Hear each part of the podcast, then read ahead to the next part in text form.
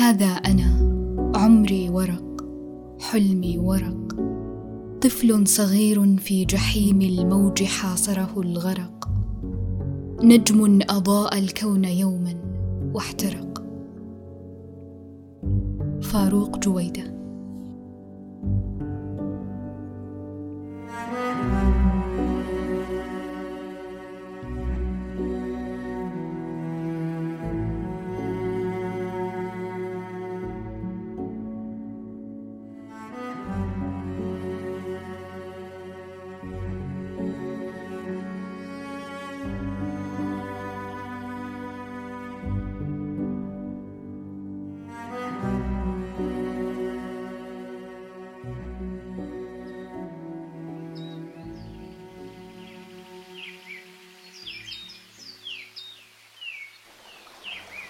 بستاني يعمل في حديقة حينا والتي بالمناسبة لا تحتاج لبستاني لكنه يصر على أن يجعل منها شيئا جميلا.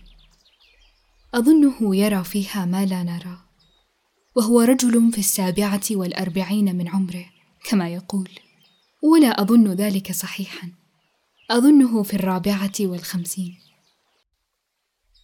وبحكم ترددي المستمر على الحديقة اعتدت على إلقاء السلام عليه دائما وسؤاله عن أحواله. قبل البحث عن مكان أمارس فيه الكتابة وسط فوضى الدفاتر والأقلام.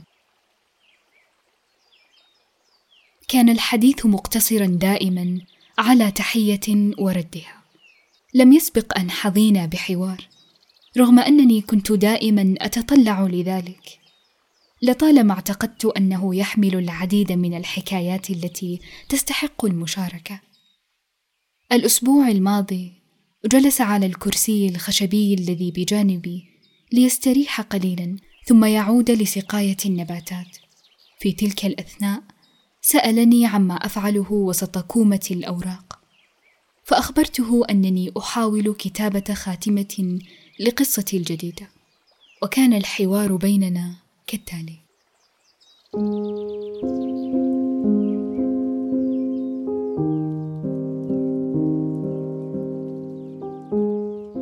أهذه كتب دراسية أم فقط للمطالعة؟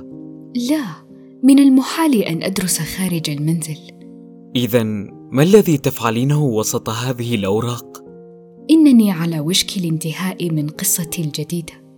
أوه جميل. ما هو نوع القصص التي تكتبينها؟ أواقعية أم خيالية؟ لنقل أنها مزيج بين هذا وذاك. القصص الواقعية جميلة من حيث ملامستها لواقعنا لكنها مملة إن هي رويت كما هي دون إضافة لعنصر الخيال إلى بعض تفاصيلها. لذلك لا أعرف تحديدا تصنيف القصص التي أكتبها. لكنها أقرب للواقعية. ألديك طموح في أن تصبحي مؤلفة؟ أم أنها هواية لتزجية الوقت؟ لم أفكر في ذلك. غريب. لم تفكري في السؤال ام الإجابة؟ بالطبع فكرت بالسؤال لكنني لا أريد إشغال نفسي بالتفكير في إجابة. أخشى أن أشتت نفسي. كل ما أعرفه أنني لو واظبت على التعلم والتدرب ومحاولة صقل أسلوبي. بالتأكيد سأصبح مؤلفة جيدة لكنني في الوقت الحالي هاوية مجرد هاوية. على أن الأمر في أحيان كثيرة يتعدى كونه هواية فيجدر بي تسميته حينها أسلوب حياة.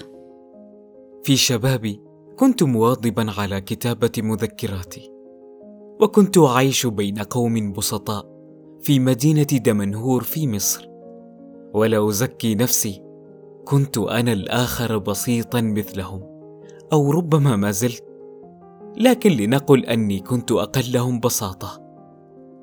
كنت ألاقي سخرية من البعض منهم كلما رأوني ممسكا قلمي أدون بضع جمل على ورق.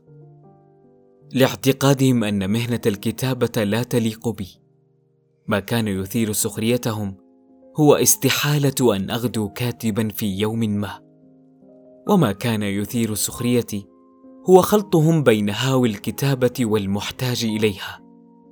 أما عن كوني غير مؤهل لأن أصبح كاتبا فهذه حقيقة أقر بها. فأنا لم أطمح يوما لأن أصبح كاتبا. لا تتوفر في متطلبات الصنعه لكن ما كل من كتب أراد أن يصبح مؤلفا بالضرورة. الكتابة أرحب من أن تحتكر لأشخاص دون الآخرين.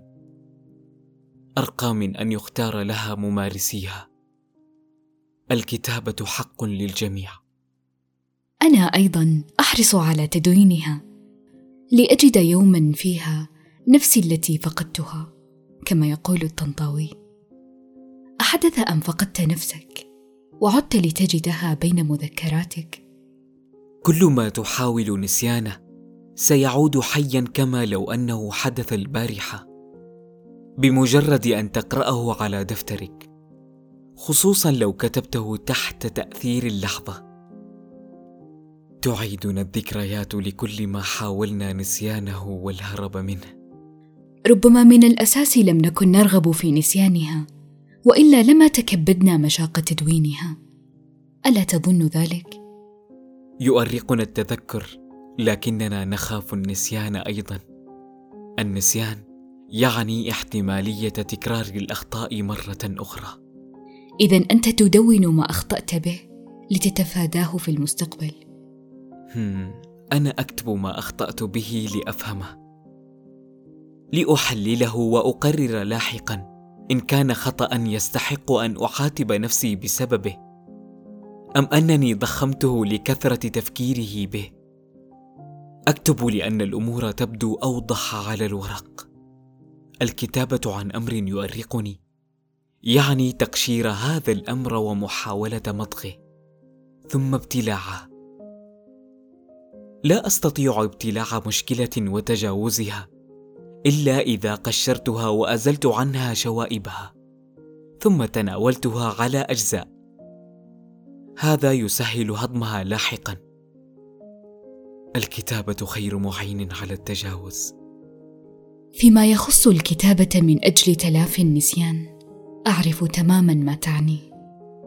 قبل ما يقارب الشهر فقدت دفتر مذكراتي بحثت عنه كثيرا لكنني لم أجده. كانت فكرة فقدانه فكرة مرعبة جدا. وكنت دائما قلقة من احتمالية حدوثها. كنت مشتتة كثيرا من جهة لأنني قلقة من أن لا اجده ومن جهة لأنه هو من كان يرتب شتاتي. كانت من أصعب الأشهر التي مررت بها. هنا تأكدت أن الكتابة في حياتي أعظم مما كنت أظن. يبدو أننا بالفعل لا ندرك قيمة الأشياء حتى نفقدها. على أنني أحيانا أكره العودة لما كتبته سابقا إلا أنه فكرة اختفاء شيء من الورق مع إمكانية اختفائه تماما من الذاكرة فكرة مرعبة جدا. في الواقع أن تفقد الذكريات وتصبح طي النسيان. أهون من أن تكون الآن بين يدي شخص آخر. يقرأ ويطلع على كل ما فيها. هذه فكرة أخرى. كان لها مساحة رحبة من تفكيري. للدفاتر حرمتها. وفكرة الاطلاع عليها أمر أشبه بالعري. السكوت حشمة والعري اثم ناهيك عن إثم التلصص والاطلاع عليها سرا. إذا تكتبين بغرض الحشمة؟ أكتب بدوافع عدة أبرزها الخوف. لأن الخوف لم يفشل يوما في أن يكون أساس تحركاتي. خوف من ماذا؟ من أشياء عديدة من أن أنسى مثلا أو أن تضيق نظرتي للأمور. من أن أفقد آخر فرصة لي على التعبير. من أن تبدو لي الحياة باهتة كئيبة دون المحسنات التي تضفيها احرفي عليها. من أن أفقد القدرة على السفر والترحال إلى أماكن لا أعتقد بأنني سأزورها يوما. واختلاق حوارات وهمية مع أشخاص من غير المحتمل أن ألتقيهم. ماذا عنك؟ ما الذي دفعك للكتابة؟ أسبابي ليست متعددة بقدر أسبابك. كل ما في الأمر هو رغبتي في أن أبدو شجاعا ولو لدقائق معدودة. تعطيني الأوراق جرأة الاعتراف التي لا أملكها في الحياة الواقعية. أكتب كذلك شوقا إلى بلدي. أحن إلى مصر الحبيبة. فعلا. القلم أجرأ من اللسان أحيانا. فبإمكان القلم التراجع عما قاله ميزة لا يملكها اللسان ابدا ولن يملكها. أما عن الحنين فلا تحدثني. أنا أكثر من يعرفه ويكتب عنه وفيه ومنه. الحالة الوحيدة التي لا يعصيني فيها قلمي ابدا بل وتصلني استجاباته ففي إحدى المرات التي كنت أكتب فيها بسرعة تفوق تحليق فراشة وتعادل الريشة خفة حتى ظننت أن القلم يكتب بنفسه دون أي تدخل مني. وصلنا عند كلمة انفجر الحبر بأكمله عندها وكأنه يقول أنه لا كلمة بعد هذه الكلمة التي استحقت استنفاذ كل ما في من حبر. أسبابي لا تعد. كل ما في الحياة يجعلني أكتب وكل ما في الكتابة أنها تمكنني من الحياة.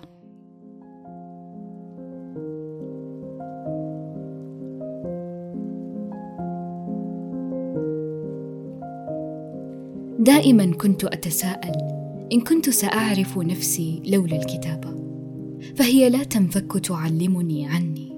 في كل يوم في كل مرة أجلس فيها على مكتبي. في كل مرة أمسك قلمي أتعلم شيئا عني حتى أبسط ممارساتي في الكتابة تعكس شيئا كامنا في شخصيتي. ما الحياة لولا الكتابة؟ إلا فوضى من الأفكار والوساوس المؤرقة سيول لا يمكن تجاوزها من الآلام المغرقة. سأم وملل وجهل وأحلام أسيرة ظلم وظلام ويأس وبصيرة ضريرة. الكتابة مصباحي في ليالي اليأس الحالكه ومستراحي في ليالي الأمل المستنيرة.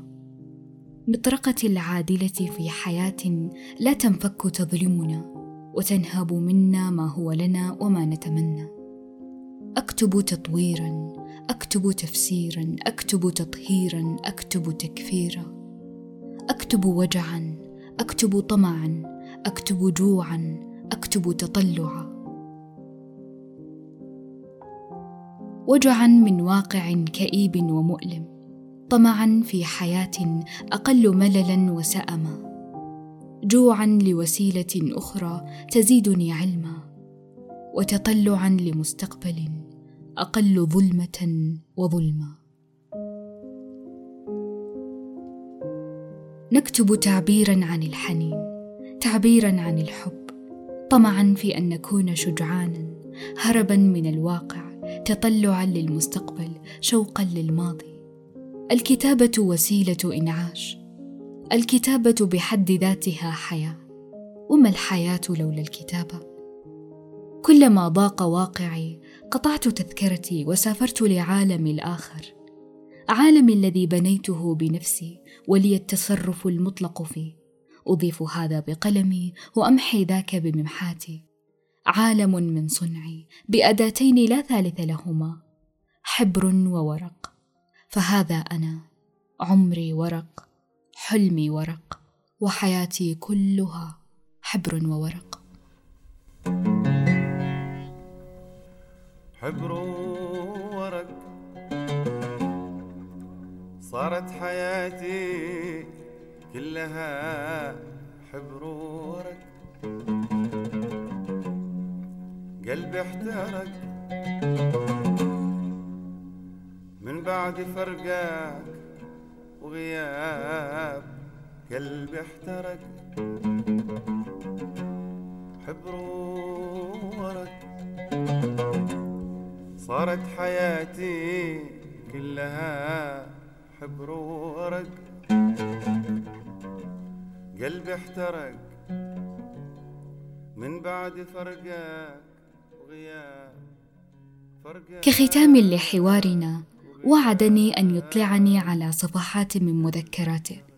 قال بأنه يفضل أن أقرأها بنفسي على أن يرويها لي هو بلسانه. وبعدما انتهيت من قراءتها طلبت منه أن يشرح لي القصة من بدايتها. ولم يتردد في ذلك. ثم تماديت قليلا وطلبت منه أن يأذن لي بنشرها. فرفض في البداية ثم وافق بشرط أن أغير في بعض تفاصيلها. حتى لا يعرف أبطال القصة إن كانوا على قيد الحياة أنفسهم. لذلك سأشارككم هذه القصة في الحلقة القادمة. هذا البودكاست من أعدادي وتقديمي أنا زينب أحمد. ماضي دفين والقلم